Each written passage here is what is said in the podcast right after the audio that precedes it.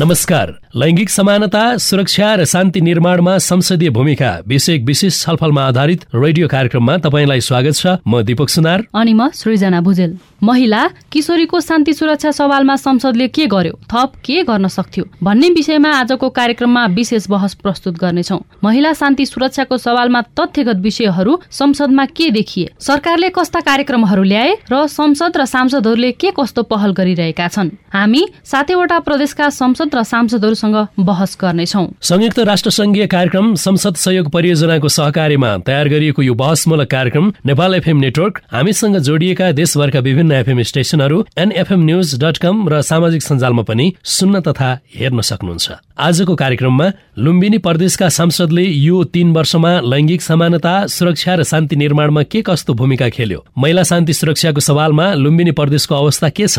यी र यस्तै विषयमा केन्द्रित रहेर छलफल तथा बहस गर्नेछौ। यो छलफलमा हामी सांसद स्थानीय सरकार जनप्रतिनिधि नागरिक समाजका व्यक्तित्व र पत्रकारलाई जोड्दैछौ। महिला शान्ति सुरक्षाको सवालमा लुम्बिनी प्रदेश संसदले के गर्यो? सांसदहरू यो विषयमा संसदभित्र बाहिर कहाँ कसरी जोडिए? के भन्छन् महिला सांसद र पुरुष सांसद? हामी आजको कार्यक्रममा चर्चा गर्नेछौ। नागरिक समाज विभिन्न संघ संस्थाका प्रतिनिधि पत्रकार स्थानीय सरकारका प्रमुख उपप्रमुख सांसद सहितको छलफल अगाडि बढाउँदै हुनुहुन्छ हाम्रा साथी गोविन्द खड्का। आज हामी लुम्बिनी प्रदेशको महिला शान्ति सुरक्षा निर्माणमा संसदीय भूमिकाका विषयमा छलफल गर्दैछौँ। लैङ्गिक समानता सुरक्षा र शान्ति निर्माणमा संसदले यो झन्डै तिन वर्षको समय अवधिमा के गर्यो? सांसदहरू त्यो मुद्दामा कसरी जोडिनु भयो? संसदीय समितिहरूले त्यो विषयमा कस्तो खालको छलफल गरे? संसदीय निगरानी अनुगमनको पाटोमा यो मुद्दा कहाँनिर जोडियो? आज हामी यो विषयमा छलफल गर्दैछौँ। आजको छलफलमा लुम्बिनी प्रदेशको सरकार संसद नागरिक समाज सहित सिङ्गो लुम्बिनी प्रदेश यो छलफलमा सहभागी छ। सिङ्गो लुम्बिनी प्रदेशका सबै जिल्लाबाट यो छलफलमा प्रतिनिधित्व छ। प्रदेश संसद र सरकारको समन्वय छ या छैन? नागरिक समाज यो बाटोमा कसरी अगाडि जोडिन्छन् भन्ने मुद्दामा छलफल गर्दैछौँ। आजको छलफललाई हामी तिनवटा चरणमा लैजानेछौँ। पहिलो चरणमा हामीले तिनवटा प्रस्तुति यहाँहरूलाई सुनाउनेछौँ। पहिलो प्रस्तुति लुम्बिनी प्रदेशमै संसदमै लामो समय रिपोर्टिङ गर्ने एकजना पत्रकार साथीले अनुसन्धानात्मक हिसाबले प्रदेश संसद कहाँनिर छ यो मुद्दामा भनेर अध्ययन गर्नुभएको छ। त्यो सँगै दुईजना विज्ञ हुनुहुन्छ यो छलफलमा। उहाँहरूले संसद कुन ढङ्गले अगाडि बढ्नुपर्छ लुम्बिनी प्रदेशको सवालहरू के छ लुम्बिनी प्रदेशका सांसद र संसद कहाँनिर जोडिएका छन् र कसरी जोडिनुपर्छ? अन्तर्राष्ट्रिय अभ्यासहरू कस्ता खालका छन्? अरू बाहिरका देशहरूका सांसद र संसदले यो मुद्दामा के गर्नुहुन्छ? भन्ने सन्दर्भसँग दुईवटा प्रस्तुति सँगसँगै हामी अगाडि बढाउनेछौँ। त्यस पछाडि नागरिक समाजका भनाइहरू यो मुद्दामा यो सवालमा लामो समय काम गर्ने व्यक्तित्वहरू पनि यो छलफलमा सहभागी हुनुहुन्छ। उहाँहरूका कुरा सँगसँगै सुन्नेछौँ र त्यस पछाडि मान्य सांसदज्यूहरू हुनुहुन्छ यो छलफलमा। उहाँहरूले अब कसरी अगाडि लैजानुहुन्छ यो सवाललाई? संसदमा यहाँहरूको अनुभव सहितको प्रतिबद्धता हामी खोज्नेछौँ र यो छलफलबाट एउटा साझा निष्कर्ष निकालेर अब सिङ्गो संसद कसरी अगाडि बढ्न सक्छ र बढ्नुपर्छ भन्ने हामी निचोडसहित कार्यक्रमलाई समापन गर्नेछौँ। सबभन्दा पहिले म एउटा प्रस्तुतिलाई जोड्न चाहन्छु। यो प्रस्तुति लुम्बिनी प्रदेश संसद स्थापना भएदेखि आजसम्म लुम्बिनी प्रदेश संसदले महिला शान्ति सुरक्षाका सवालमा लैङ्गिक सवालमा सिङ्गो महिलाका मुद्दामा कस्तो छलफल गर्यो कस्ता खालका प्रस्तावहरू संसदमा आए संसदीय समितिहरूले अनुगमन निगरानीको पाटोमा कसरी भूमिका निर्वाह गरे र सांसदजीहरू यो सवालमा कसरी जोडिनु भयो संसदभित्र संसद बाहिर राजनीतिक दलभित्र नागरिक समाजको पाटोमा एकजना सांसदको भूमिका कस्तो देखियो? यो छलफललाई यो प्रस्तुतिलाई राखिदिन म लुम्बिनी प्रदेशको संसदीय मामिलाको उपाध्यक्ष पनि हुनुहुन्छ र लामो समयदेखि पत्रकारितामा हुनुहुन्छ र संसदलाई उहाँले स्थापना भएदेखि नै नजिकबाट निहाल्नु भएको छ। अमृता अनमोलजी हुनुहुन्छ उहाँलाई म आफ्नो प्रस्तुति राखिदिन अनुरोध गर्छु। नमस्कार म अमृता अनमोल संसदीय मामिला पत्रकार समाज लुम्बिनीको उपाध्यक्ष। संसद स्थापना भएदेखि तिन वर्षसम्म संसदमा सँगसँगै म चाहिँ रहेको छु। दैनिक रिपोर्टिङदेखि लिएर त्यहाँ बाट हुने कामका अनुसन्धानात्मक रिपोर्टिङहरू चाहिँ गर्ने मौका मैले पाएको छु। त्यसका आधारमा यो कार्यक्रमका लागि भनेर मैले केही अनुसन्धानात्मक टिपोटहरू गर्ने मौका पाएको थिएँ। त्यसलाई चाहिँ म सरसरी राख्न चाहन्छु। बाँकी कुरा चाहिँ यहाँहरूबाट आउने नै छ। सबैभन्दा पहिला चाहिँ प्रदेशमा भएको लैङ्गिक अनुपातलाई बताउन चाहन्छु। प्रदेश सरकारले वस्तुस्थिति विवरण निकालेको थियो दुई हजार छ छिहत्तरमा जुन चाहिँ प्रदेश सरकारले निकालेको वस्तुस्थिति विवरण हो। यो विवरण अनुसार चाहिँ महिलाको जनसङ्ख्या यहाँ बाहन्न दशमलव चार प्रतिशत छ महिला साक्षरता पन्ध्रदेखि उनपचास वर्षसम्मको चाहिँ बहत्तर दशमलव छ प्रतिशत छ। यसै गरी महिला साक्षरता पन्ध्रदेखि चौबिस वर्ष उमेर समूहको चाहिँ सन् सन्ताउन्न दशमलव दुई प्रतिशत छ। यस्तै प्रतिनिधि सभामा महिला सहभागिता प्रत्यक्षमा दुई गरेर छब्बिसजना हुनुहुन्छ। यस्तै गरेर प्रदेश सरकारमा मन्त्री अहिले दुईजना हुनुहुन्छ। स्थानीय तहमा महिला सहभागिता बयालिस प्रतिशत छ भने एक सय नौवटा स्थानीय तह मध्ये चाहिँ एकजना मात्रै महिला अध्यक्ष हुनुहुन्छ। यो प्रदेशको वस्तुस्थिति विवरण अनुसार नै यहाँ चाहिँ प्रदेश सरकारले निकालेको वस्तुस्थिति विवरणमै रहेर लैङ्गिक हिंसाको कुरा उठाउने हो भने घरेलु हिंसा मा चाहिँ शारीरिक र मानसिक हिंसा बढी भएको देखिन्छ।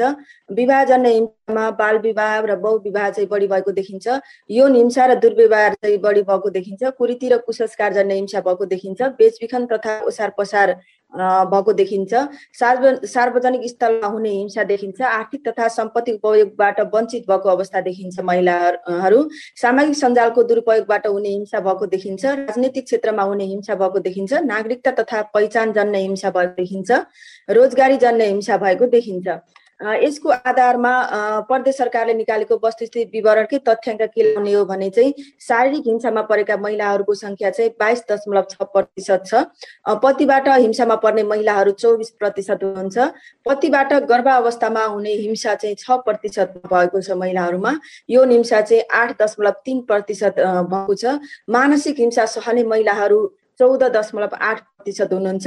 हिंसा भोगेर पनि कसैलाई नबताउने प्रतिशत चाहिँ सत्तरी दशमलव चार प्रतिशत छ जुन अन्य प्रदेशको भन्दा धेरै देखिन्छ।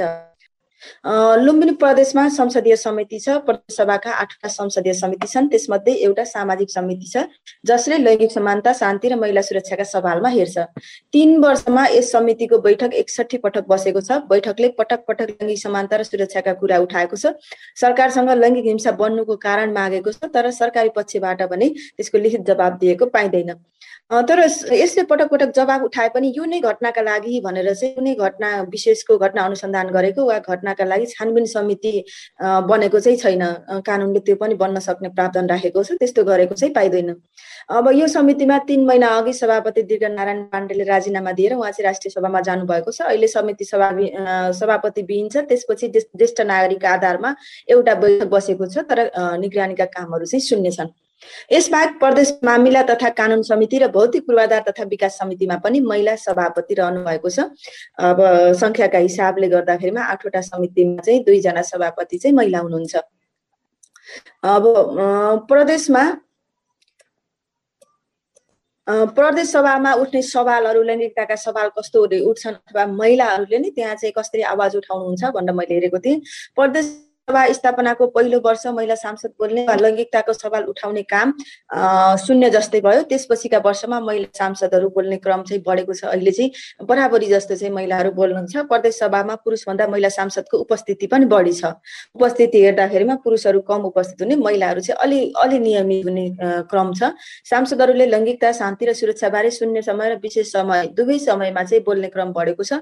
यस सवालमा पुरुष होइन महिला सांसदले नै आवाज उठाएको। लैङ्गिकताका आवाज कुरा चाहिँ पुरुष सांसदले होइन महिलाले नै उठाएको सुनिन्छ र घटना विशेषलाई लिएर पनि बढी आवाज महिलाले नै उठाएको पाइन्छ। तर त्यसको जवाब सरकारले चित्तबुद्ध दिएको चाहिँ कहिले पनि पाइँदैन। कोही सांसदले चाहिँ सात दिनभित्र पाइने सभामुखले यो यसको जवाब सात दिनभित्र चाहिँ पाइनेछ भन्नुहुन्छ। त्यो सुन्ने मात्रै हो जवाब चाहिँ पाइँदैन। अब यो कानुन निर्माण सम्बन्धी हेरेको थिएँ। मैले चाहिँ प्रदेश सभाले बैसठीवटा ऐन बनाएको छ। अहिलेसम्म चाहिँ बहत्तरवटा दर्ता छन्। विचाराधीन नौवटा छन्। सातवटा संसद संशोधन हुन्। त्यसमध्ये चाहिँ दुईवटा चाहिँ लैङ्गिकता र महिला सम्बन्धी छन् जसमा बाल बालिकाको हक अधिकार संरक्षण सम्बन्धमा व्यवस्था गर्न बनेको ऐन छ। यो चाहिँ ऐनका रूपमा कार्यान्वयन भएको छ र बाल अधिकार समिति पनि बनेको छ। सेवा केन्द्र तथा पुनर्स्थापना केन्द्रको स्थापना तथा सञ्चालन र सेवा तथा पुनर्स्थापनाको सम्बन्धमा व्यवस्था गर्न बनेको ऐन छ। खास गरेर घरेलु हिंसा र मानव बेचबिखनमा परेका महिलाहरूलाई पुनर्स्थापना गर्न र उनीहरूलाई चाहिँ पुनर्जीवन दिने खालले चाहिँ यो ऐन ल्याइएको हो। तर यो ऐन बनेको छ। कार्यान्वयन तहमा चाहिँ गएको छैन अझै। त्यसका कामहरू गर्न बाँकी छन्। यो कानुन तथा संरचना निर्माण हेर्दाखेरिमा चाहिँ लैङ्गिकता तथा महिला सम्बन्धी कानुन निर्माण दुईवटा भएका छन्। महिला सम्बन्धी आयोग तथा तदर्थ समिति बन्न सक्छ प्रदेशमा त्यो अझै बनेको छैन छुट्टै महिला संरचना छैन जस्तो कि पहिला महिला तथा बाल बालिका कार्यालय भनेर चाहिँ प्रत्येक जिल्लामा थिए। अहिले चाहिँ डिभिजन कार्यालयहरू खुलेका छन् कृषिका पशुका स्वास्थ्यका सबै डिभिजन कार्यालय छन् तर शिक्षा तथा सामाजिक सामाजिक डिभिजन कार्यालय भनेर खुलेको छ जसलाई चाहिँ जसलाई चाहिँ शिक्षासँग पनि जोडिएको छ तर चाहिँ छ जिल्लामा मात्र छ यो। हरेक जिल्लामा पनि छैन। महिला तथा बालबालिका कार्यालयको छुट्टै छुट्टै यस्तो संरचना नहुँदा पनि समस्या छ। सरकारी चाहिँ महिला हिंसा प्रभावित आरक्षण तथा संरक्षण गृह अझै छैन लुम्बिनी प्रदेशमा। सरकारी महिला अस्पताल पनि छैन। लैङ्गिक हिंसामा द्रुत कानुनी सेवा दिने निकाय पनि छैन। हिंसा प्रभावितका लागि कानुनी सहायता कर्मी राख्ने व्यवस्था पनि गरिएको छैन। प्रदेश सभामा सदस्यको सांसदहरूको महिला सञ्जाल जस्तो केन्द्रमा कस थियो यस्तो खालको सञ्जाल पनि छैन। प्रदेश कार्यालयमा लैङ्गिक फोकल पर्सन पनि राखिएको छैन। अहिले चाहिँ प्रदेश मन्त्रालयबाट सुरु गरिएको छ केही मन्त्रालयमा। प्रदेश कार्यालयमा लैङ्गिक व्यवस्थापन योजना पनि बनाएको पाइँदैन। योजना तर्जुमा बजेट निर्माण र कार्यान्वयनमा लैङ्गिकताबारे बहस भएको पनि खासै पाइँदैन। यो समग्रमा बहसमा चाहिँ लैङ्गिकता एउटा कसैले उठाउने कुरा छुट्टै हो। प्रदेश सभा सदस्यले आफ्नो निर्वाचन क्षेत्रमा पाउने प्रत्यक्ष विकास बजेटमा उहाँहरूले चाहिँ भौतिक विकासका योजना माग्नुहुन्छ तर प्रत्यक्ष लैङ्गिक बजेट चाहिँ अझै मागेको देखिएको छैन। लैङ्गिक बजेट निर्माणमा प्रदेश सभाका महिला सदस्यहरूको प्रत्यक्ष भूमिका चाहिँ निकै कम छ। लैङ्गिक सवालमा प्रदेश सभा सदस्य एक भएर निगरानी दबाव समूह कार्यक्रम गरेको वा आवाज उठाएको पनि खासै पाइँदैन। निर्वाचन क्षेत्रमा नेतृत्व लिने र क्रियाशीलता देखाउने अनुपात पनि कमजोर छ लैङ्गिकताका आधारमा। प्रदेश सरकारका तथा तिनका संरचनामा लैङ्गिक तथा यौनिक अल्पसङ्ख्यक तेस्रो लिङ्गी समुदायको उपस्थिति पनि एकदमै कम देखिन्छ। प्रदेश सभाले बनाएका ऐनमा लैङ्गिक एवं सामाजिक समावेशीकरण कस्तो छ भनेर मैले हेरेको थिएँ। प्रदेश सभाले बनाएका पैँसठीवटा विधेयक ऐनका रूपमा कार्यान्वयन भएका छन्। यो मैले पहिले भनिसकेँ नौवटा विचाराधीन एउटा फिर्ता। संविधान अनुसार सबै ऐनलाई अब लैङ्गिकताका बारेमा ऐन बन्ने छुट्टै कुरा भयो तर सरकारले बनाउने हरेक ऐनलाई ऐनलाई चाहिँ लैङ्गिक मैत्री र सामाजिक समावेशीकरण युक्त बनाउनु पर्ने हो।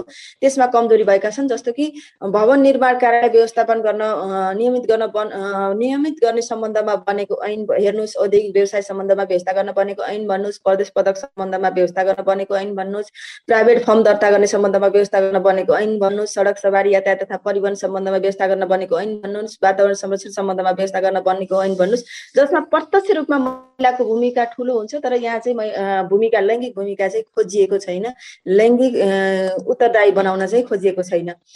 यसमा महिला सांसदहरूको बुझाइ चाहिँ के छ भने अरू विषय नजानेर मात्रै महिलाका कुरा उठाएको भन्ने चाहिँ धेरै हुन्छ।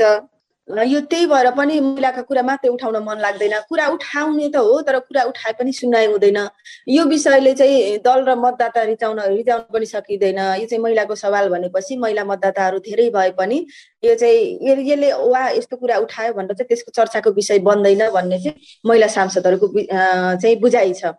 यसमा दलीय धारा कस्तो रहेछ भने लैङ्गिकताको सवाल छुट्टै विषय होइन। यो दलीय एजेन्डा पनि होइन भने चुनावमा के के एजेन्डा राखियो त्यसो राख्नका लागि राखियो त्यसपछि यो दलीय एजेन्डा पनि होइन लैङ्गिकताको सवाल भनेको छुट्टै विषय पनि होइन संसदीय विषय नै बनाउनु पर्ने पनि होइन यो त गैर सरकारी संस्थाहरूले उठाउने विषय हो भन्ने चाहिँ उहाँहरूको बुझाइ छ जसले गर्दा चाहिँ संसदभित्र चाहिँ लैङ्गिकताको सवाल महिला सुरक्षाको सवाल शान्तिको सवाल चाहिँ ओझेलमा परेको छ। धन्यवाद।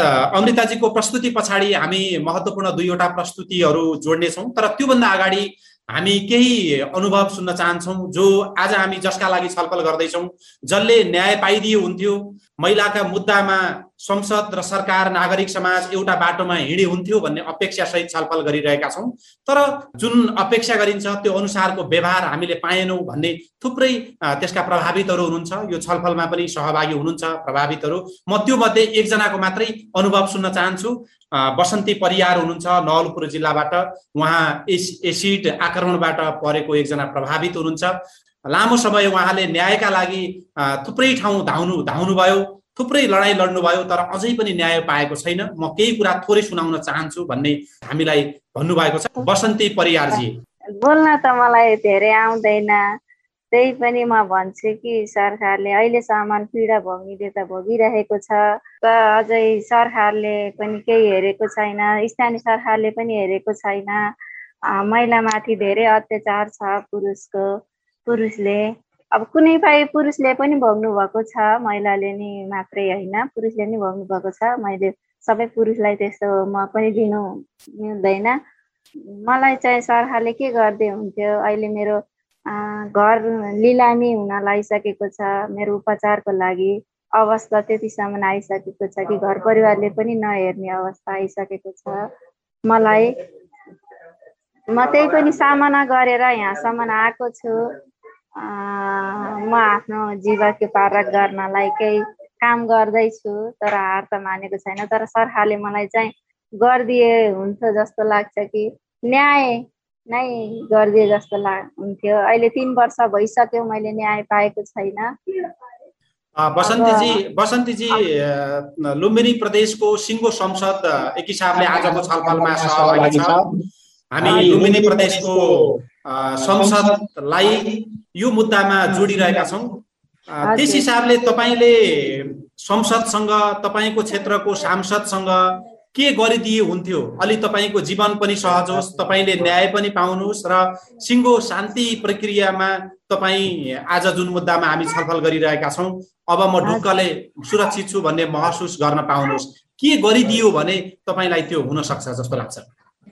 अब मलाई त के गरिदिए जस्तो लाग्छ भने उसलाई आजीवन जेल गरिदिए जस्तो लाग्छ। अझै पनि गाउँमा तर अब आएर फेरि पनि हालिदिन्छु यस्तो गरिदिन्छु भनी सबैलाई गाउँघरमा भइरहेको छ। अब त्यसलाई नै कडाभन्दा कडाइ सजाय गरिदिए। मलाई अझै पनि ढुक्क लाग्थ्यो कि अझै पनि भन्छ बाहिर आएर म हालिदिन्छु भन्छ। अब सरकार कानुनै छैन। यति नै हो भनेर अदालतमा त भन्नुहुन्छ। सुनाइ त मलाई अझैसम्म थाहा थाहा छैन। त्यही भन्ने जस्तो लाग्छ मलाई गरिदियो जस्तो लाग्छ। घरदेखि टाढा आएर बस्नु परेको छ। छोराछोरीदेखि पनि टाढा आएर बस्नु परेको छ। मलाई गाउँमा अझै पनि बस्न डर लागेको छ। आउँछ फेरि हालिदिन्छ भन्ने। त्यही उसलाई नै ननिकाल्ने। मलाई जस्तो गरेको त्यस्तै नै भन्न संसदसँग धेरै धेरै धन्यवाद बसन्तीजी। उहाँको पीडा साँच्चीकै संसदले सुन्नुपर्ने संसदले मुख्य मुद्दा बनाउनु पर्ने विषय छ। योभन्दा पछाडि यो छलफलमा मान्य सांसदज्यूहरू हुनुहुन्छ। उपसभामुखज्यू पनि आजको छलफलमा सहभागी हुनुहुन्छ। हामीले देखिरहेका छौँ। यो मुद्दालाई संसदले कसरी अगाडि बढाउला? लुम्बिनी प्रदेशको सरकारलाई जिम्मेवार बनाउन संसदले कस्तो भूमिका खेल्ला? संसदीय समितिको जुन समिति छ महिलाको मुद्दामा यो आजको छलफल हामीले गरिरहेका छौँ। यो सवालमा हेर्ने विभागीय समिति छ। त्यो समितिका छजना मान्य सांसदजीहरू यो छलफलमा सहभागी हुनुहुन्छ। उहाँहरूले यो विषयलाई कसरी अगाडि लैजानु होला हामी पछाडि उहाँहरूका कुरा सुन्नेछौँ। अब हामी बाँकी प्रस्तुतिलाई अगाडि जोड्न चाहन्छौँ। दुईजना विज्ञ हुनुहुन्छ राधा पौडेल र डाक्टर समीक्षा कोइराला। उहाँहरू लामो समयदेखि यो मुद्दामा नजिक रहेर अध्ययन गरिरहनु भएको छ। लुम्बिनी प्रदेशको सवालमा पनि उहाँहरूले हेर्नु भएको छ। लुम्बिनी प्रदेशको सिङ्गो संरचना यो मुद्दामा कहाँनिर छ। लुम्बिनी प्रदेशको संसदले के गरिदिएको भए हुन्थ्यो र सरकार र संसदको समन्वय कस्तो देखिन्छ? यो प्रस्तुतिलाई अगाडि राखिदिन म राधा पौडेल र डाक्टर समीक्षा कोइरालालाई संयुक्त रूपमा अनुरोध गर्न चाहन्छु। आजको छलफलमा बसन्तीजी र अमृताजीलाई सुनिसकेपछि हामीले धेरै भन्नुपर्छ जस्तो लाग्दैन। तैपनि किशोरी महिलाहरूको सहभागिता शान्ति र सुरक्षाका सवालमा विषयवस्तुलाई अलिकति विश्लेषण गर्ने हिसाबले मैले कुरा गर्छु भने अबका दिनमा के गर्न सकिन्छ भन्ने कुरा समीक्षा म्याडमले भन्नुहुन्छ। हामी सबैलाई थाहा छ। लुम्बिनी प्रदेशको भौगोलिक सामाजिक आर्थिक परिवेश फरक छ। हुन त सबै प्रदेशको फरक छ तर यसको चाहिँ फरक छ। अब यो तथ्याङ्कमा लुम्बिनी प्रदेशलाई हेर्दाखेरि म सबै कुरा भन्न चाहन्न। एकदमै महत्त्वपूर्ण कुरा के हो भने आजको दिनमा पनि जम्मा बयानब्बे प्रतिश बयानब्बे भनेको बयानब्बे प्रतिशत महिलाहरूको नाममा चाहिँ सम्पत्ति छैन। त्यहीँबाट थाहा हुन्छ कि हामीले अघि कुरा गर्दा अघिल्लो प्रस्तुतिमा कुरा गर्दाखेरि मानसिक हिंसाको कुरा मानसिक विभेदको कुरा भावनात्मक हिंसाको कुरा गरिरहेका छौँ। एकैचोटि बलात्कार हुँदैन। एकैचोटि आएर हात खुट्टा भाँचिँदैन। त्योभन्दा अगाडि अधिकांश केसमा अधिकांश केसमा त्योभन्दा अगाडि थुप्रै कुराहरू भएका हुन्छन्। के हुन्छ भने अनुसन्धानले के देखाएको छ अनुभवले के देखाएको छ भनेदेखि महिलाहरूमाथि भएको हिंसा जब चरम बिन्दुमा पुग्छ पुगिसकेपछि उसले दुईटा कुरा रोज्छ। एउटा कि आत्महत्या रोज्छ कि चाहिँ उसले रिपोर्टिङ गर्न आउँछ। भनेपछि हामी कहाँ? आज पनि सत्तरी प्रतिशत महिलाहरू हिंसा भइसकेपछि मलाई हिंसा भयो भनेर उहाँहरू उजुरी गर्न आउनुहुन्न अथवा मलाई हिंसा गर्न चाहिँ के अरे हिंसा भयो मैले उजुरी मेरो चाहिँ यो न्याय पाउनुपर्छ भन्ने कुरा थाहा छैन तर कतिपय हकमा यो तथ्याङ्क पनि नेपाल सरकारकै तथ्याङ्क भए पनि यो तथ्याङ्क पनि अझै वास्तविक हो जस्तो हामीलाई लाग्दैन। किनभने मलाई हिंसा भइराखेको छ म विभेदमा परिराखेको छु मेरो मानव अधिकार हनन भइराखेको छ संविधानमा उल्लेख भएका अधिकारहरू हनन भइराखेका छन् भन्ने कुरा पनि महसुस नभएको अवस्था हाम्रो हाम्रो परिस्थिति हाम्रो चाहिँ वास्तविकता हो हाम्रो यथार्थ हो।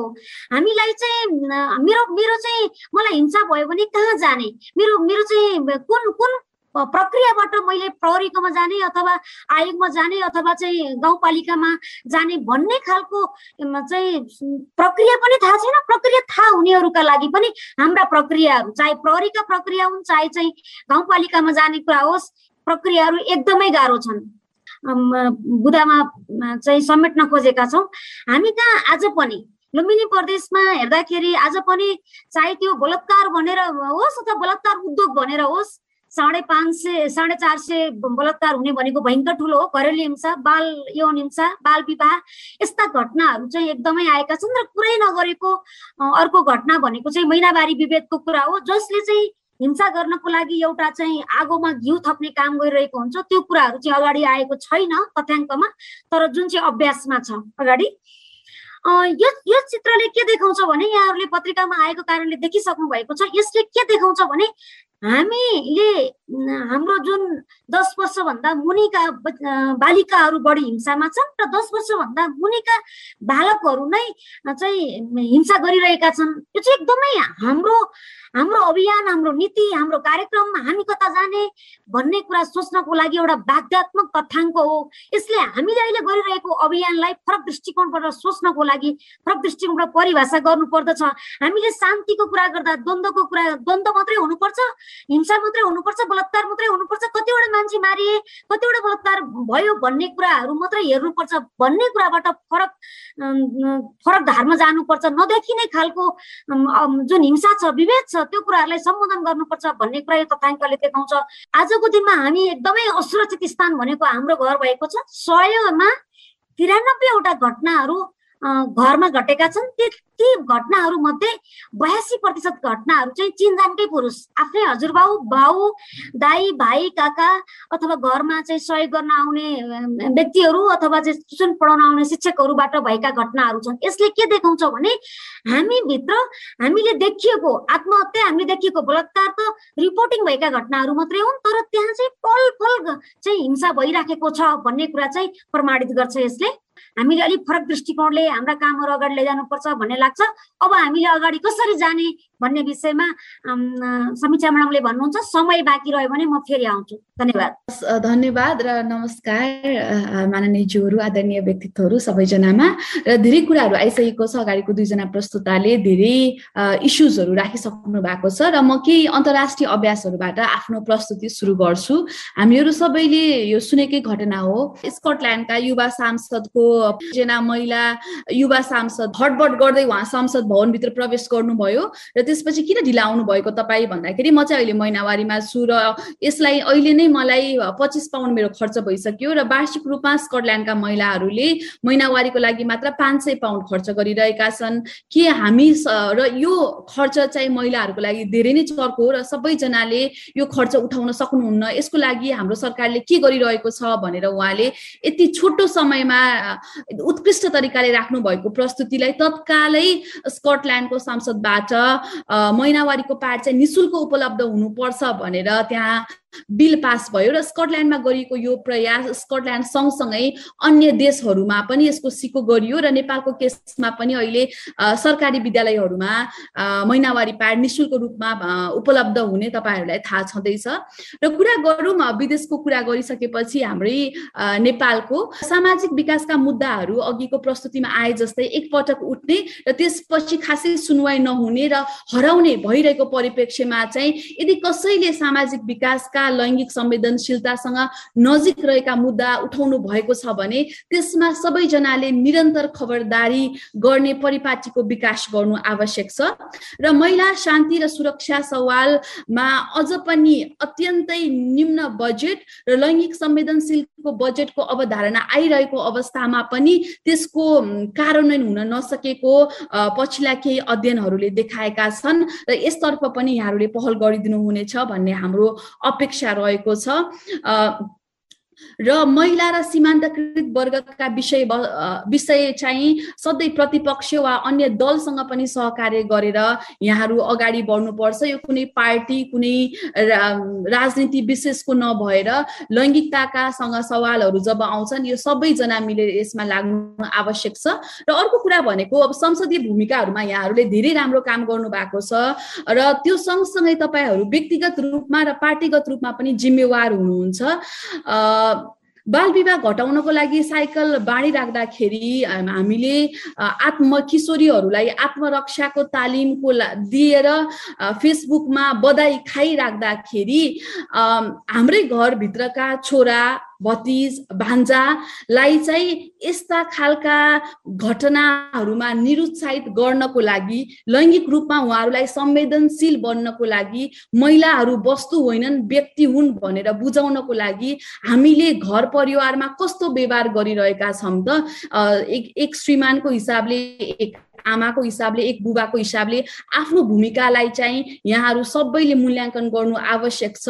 हामीले गरेको बोलाइ र गराई बिचको अन्तर छ कि छैन भाषणमा एउटा कुरा गर्ने र घरभित्र समाजमा अर्को व्यवहार पो गरिरहेका छौँ कि यसतर्फ हामीले ध्यान दिन जरुरी छ र पार्टीगत रूपमा धेरै कुराहरू आएको छ। हामीले अन्य प्रदेशमा कुरा गर्दा पनि पार्टीभित्रै पनि लैङ्गिक विभेद छ र सीमान्तकृत वर्ग भएकै कारण महिला भएकै कारण पाउनु पर्ने अवसर नपाइरहेको कुरा छ र पार्टीभित्रकै विभेद अन्त्य गर्न पनि यहाँहरू लाग्नुहुनेछ भन्ने हाम्रो अपेक्षा हो र विशेष गरी महिला सांसदहरूले आफूले उठाएका विषयहरू कसैले ध्यान दिएर नसुन्ने प्राथमिकतामा पनि नराख्ने गुनासोहरू सुनिरहेको अवसरमा हुन त यहाँहरूले यी धेरै कुराहरू तपाईँहरूले आफैले लागू पनि गरिसक्नु भएको छ र केही कुराहरू म दोहोऱ्याउन चाहन्छु र कुनै पनि विषय उठाउँदाखेरि हामीले तथ्याङ्कलाई बिर्सनु हुँदैन तथ्याङ्कको आधारमा थोरै केही अनुसन्धान गरेर आफ्नो प्रस्तुति राख्छौँ भने त्यसले पक्कै पनि प्रभावकारिता थप्छ। र अघिको स्कटल्यान्डका महिला सांसदले प्रस्तुत गर्नुभएको जस्तै गरेर कसरी उहाँले व्यक्तिगत रूपमा नाटकीय रूपमा हडबड गर्दै आउनुभयो र आफ्नो प्रस्तुति राख्नुभयो यसले विश्वको सारा अन्तर्राष्ट्रिय जगतको नै ध्यान आकर्षण गर्यो र त्यसरी नै हामीले हाम्रा प्रस्तुति पनि यसरी प्रस्तुत गर्न सक्छौँ भन्ने मात्र कुरा मैले उल्लेख गर्न चाहेको हो।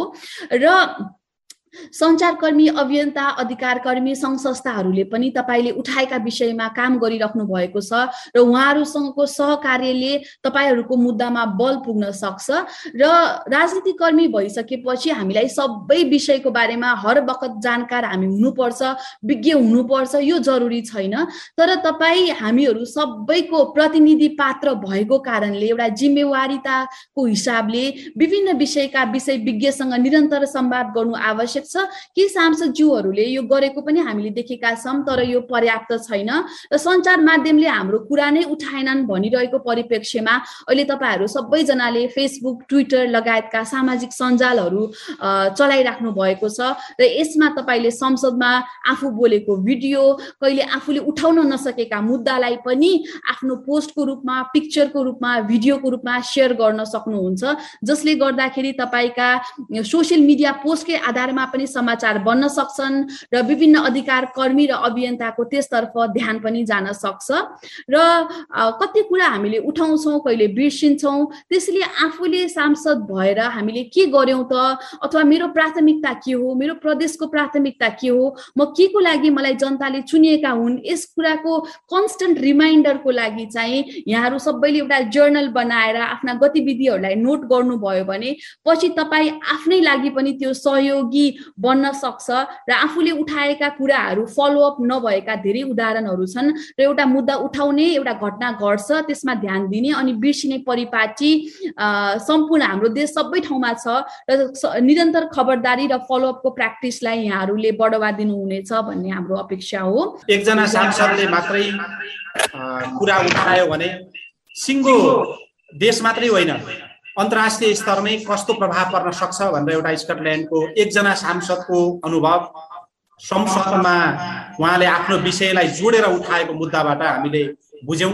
समुन्नय कुन अर्थमा अझ भएको भए सहज हुन्थ्यो र कुन अर्थमा अझ अलिकति हामी बलियो ठाउँमा छौँ र अझै गर्नुपर्ने कामहरू थुप्रै छन् भन्ने तिनवटा प्रस्तुतिले हामीलाई बाटो देखाएको छ। ती प्रस्तुतिलाई अब संसदले आफ्नो प्रस्तुति कसरी बनाउँछ भन्ने विषयमा हामी सांसदज्यूहरूका मान्य सांसदज्यूहरूका प्रतिबद्धता सुन्छौँ। त्योभन्दा अगाडि अब हामी यो मुद्दामा संसद नागरिकसँग कसरी जोडिन सक्थ्यो?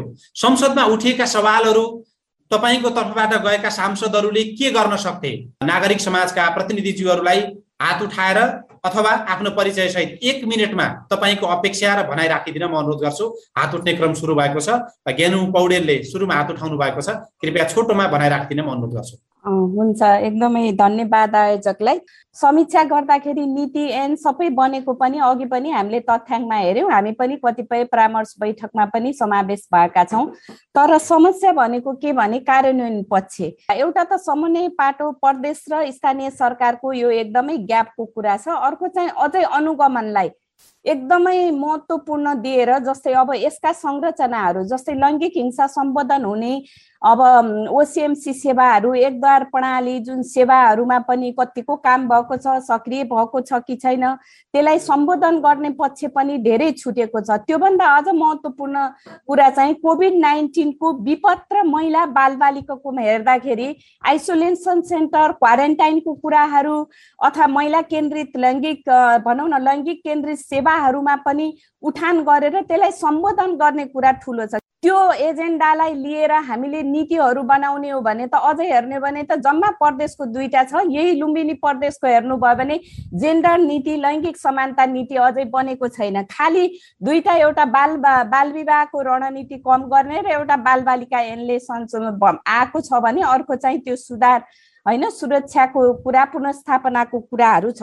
भनेपछि हाम्रो यहाँ जो आज हामी एकदमै किनभने उपसभामुखदेखि लिएर यहाँ मान्ने सभा सभासदमा हुनुहुन्छ र अहिले हेर्दाखेरि नि शुल्क सेवा भनिराखेको छौँ भने अब हामीले विश्लेषण गर्न सुरु गर्नुपर्छ। महिलाको लागि स्वास्थ्य सेवामा दिएका नि शुल्क औषधिहरूको लिस्टेड गर्दाखेरि के पाठेघर सम्बन्धी कति त्यसलाई सम्बोधन गरिएको छ त? नि शुल्क उपचार कतिको पाठेघरलाई त्यसले सम्बोधन गरेको छ? त्यो कुरा पनि छुटेको छ भने अर्को चाहिँ सीमा क्षेत्रमा हुने अपराध र महिला बालबालिकालाई गरिएको त्यसमा प्रयोगको कुराहरू जस्तै उदाहरणको लागि अब यो लागु ओसार पसारको कुरामा अहिले बालबालिका र महिलालाई धेरै प्रयोग गरिएको छ भने हाम्रा रणनीति कार्यक्रमले पनि खुल्ला सिमानामा हामीले कसरी अलिकता फरक खालको इन्टरभेन्सन र नीति बजेटले सम्बोधन गरिएको छ? अहिले हाम्रो पनि ध्यान के छ भने खालि विकास भनेकै पूर्वाधार कुरा हो। मानवीय स्रोत मान्छे बनाउनेमा हाम्रो लगानी एकदमै कम छ। यसमा हामीले पैरवी गर्नलाई मैले अनुरोध गर्छु र अर्को चाहिँ यो लैङ्गिक हिंसा निवारण कोष पहिला के थियो त भने हामीले नै उठान गरेको कोषहरू त बनेको छ। अहिले सबै स्थानीय सरकारको स्थानीय तहमा पनि एक लाखको लैङ्गिक हिंसा निवारण कोष यही प्रदेशले पनि सबै ठाउँ पठाएर त्यसलाई प्रावधान गरेको छ। तर त्यसको परिचालनको खोइ त अनुसन्धान भएको। मलाई लाग्छ त्यसको परिचालन उपभोग त्यसको नीति पनि कति ठाउँमा बनेको छैन। त्यो त्यत्तिकै बजेट फ्रिज भएको छ। मैले पनि बुझ्दाखेरि होइन अलिकता हामीले कार्यक्रम त ल्याउँछौँ तर त्यसलाई फलोअप र नियमित रूपमा पनि गर्ने एउटा मेकानिजम गर्ने बलात्कार यौन हिंसा अब यत्रो धेरै आत्महत्या भइराखेको छ भने मानसिक स्वास्थ्यलाई खोइ त हामीले प्राथमिकता दिएर त्यसको साझा सवालको एजेन्डा बनाएको। अब यस्तो कुराहरू धेरै छ होइन? तर समीक्षा भयो भने यो सुधार हुन्छ यो कार्यक्रमको लागि धेरै धेरै धन्यवाद। हस् धेरै धेरै धन्यवाद। उहाँले नीतिगत सवाल उठाउनु भएको छ संसदीय निगरानी र अनुगमनको पाटोलाई पनि जोड्नु भएको छ। सांसदजीहरू यो छलफलमा हुनुहुन्छ। अरू हातहरू पनि उठेको छ सुशीला पौडेल। चाहे सदनमा चाहे प्रदेश प्रदेशमा। महिला सांसद हुनुहुन्छ हाम्रो एउटा अपेक्षा के थियो भने जसरी समाजमा विषयहरू उठ्छन् त्यसलाई अलिक दरिलो रूपले किन राख्न सक्नु भएन महिला सांसदले? अघि न नगरपालिकाहरूमा उपमेयरहरूले कुनै महिलाको मुद्दा उठाउन सक्नुहुन्न आफ्नो विषयलाई प्रस्तुति गर्न सक्नुहुन्न।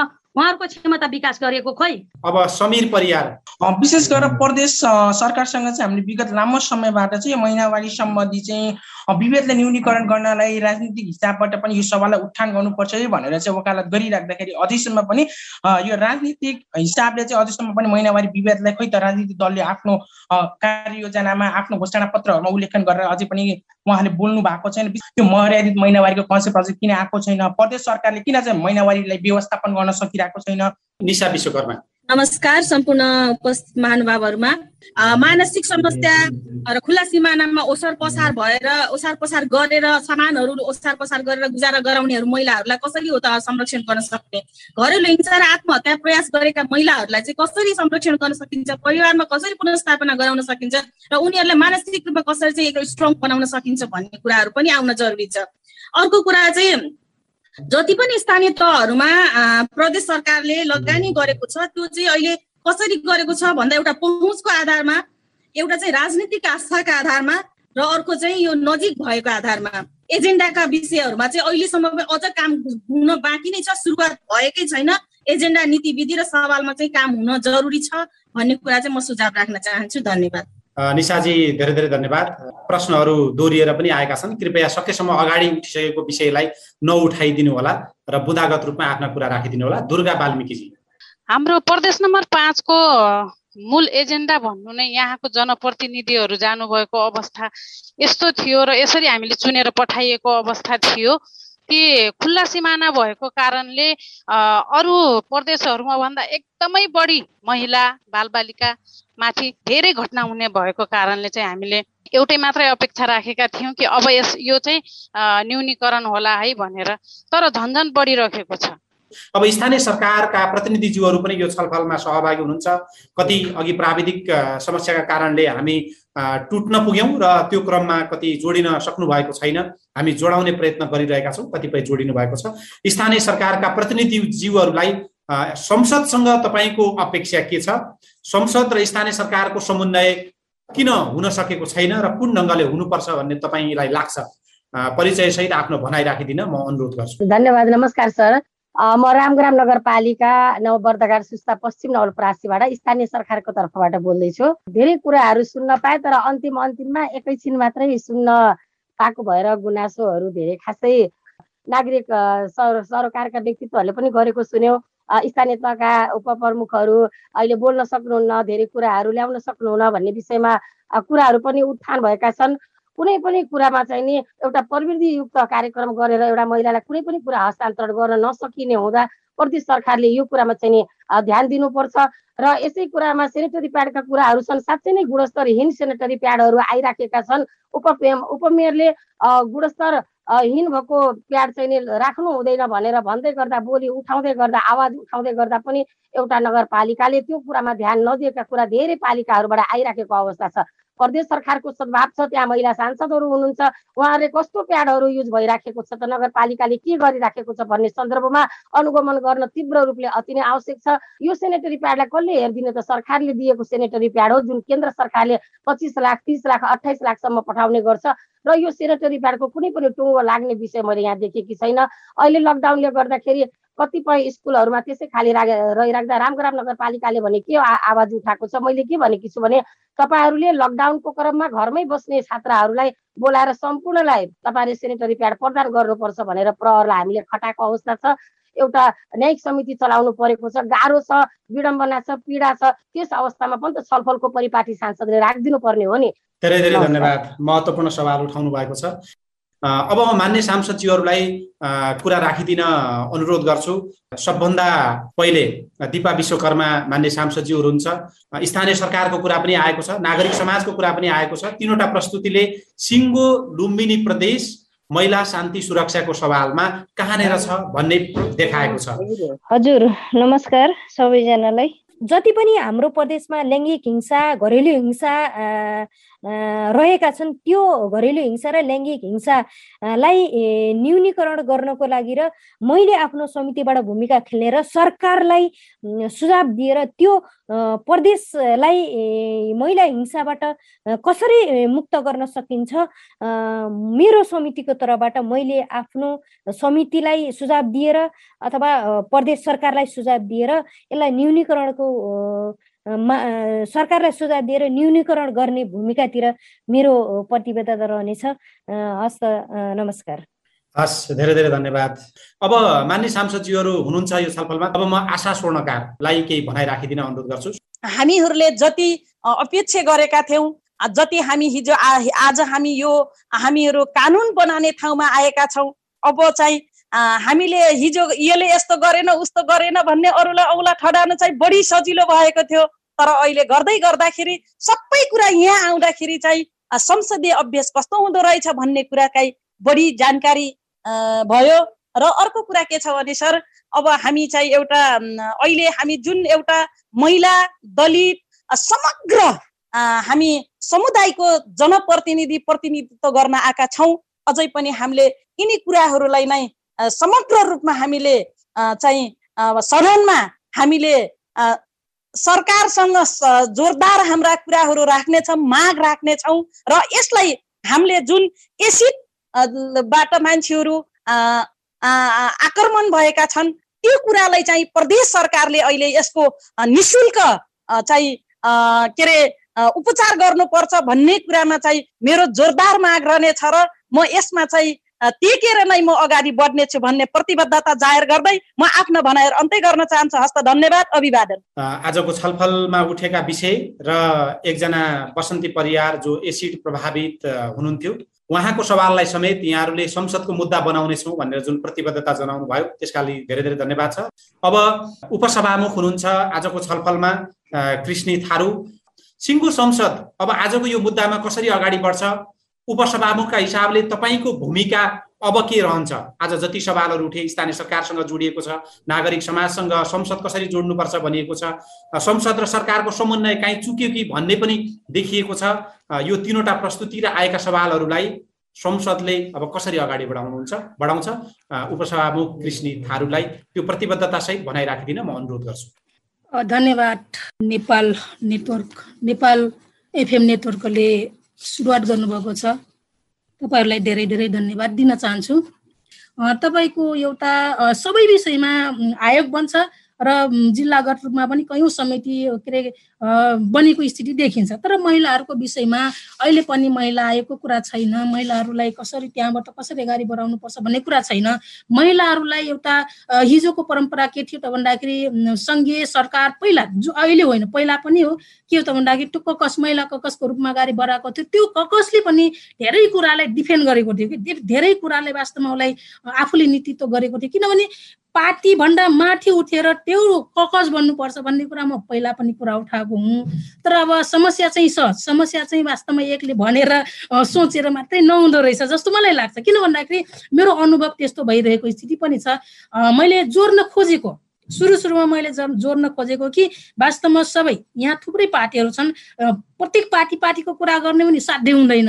त्यसले गर्दा सबै यो संसदमा हुने जो बत्तिस तेत्तिसवटा हामी महिलाहरू छौँ ती महिलाहरूको बिचमा एउटा समेत के अरे पार्टीभन्दा माथि उठेर एउटा समिति निर्माण हुनुपर्छ। समिति बन्नुपर्छ। ककस बन्ने नामक हो या सञ्जाल बन्ने नामक या कुनै नामक हो तर त्यो संसदभित्रको आवाज उठाउनु उठाउनेदेखि लिएर त्यसलाई निराकरण गर्नुदेखि लिएर त्यसलाई के अरे निगरानी गर्नुदेखि लिएर सबै कुरालाई एउटा फुल पावर रूपमा कसले गर्छ भन्दाखेरि महिलाले गर्छ भन्ने मलाई लागेको थियो। तर मैले गृह कार्य गरेँ। गर्दा गर्दै पनि अहिलेसम्म हुन सकेको छैन। अब मैले अब कसरी भन्नु तपाईँहरूको बिचमा? अब टाइम आजको छलफलपछि धेरै पनि टाइम छैन। त्यसले गर्दाखेरि त्यो त्यो चिजलाई पनि धेरै टाइम छैन। त्यसले गर्दाखेरि त्यो विषयलाई पनि मैले फेरि पनि प्रयत्न गर्नेछु। यो चिजलाई फेरि महिला साथीहरूलाई एक ठाउँमा राखेर अब फेरि पनि तपाईँ हामी देख्दैछौँ। यहाँ त थुप्रै चिज भइसकेको छ। जोड्न त्यति सजिलो छैन। हामी कुरा जति गरिरहेछौँ त्यति सजिलो छैन।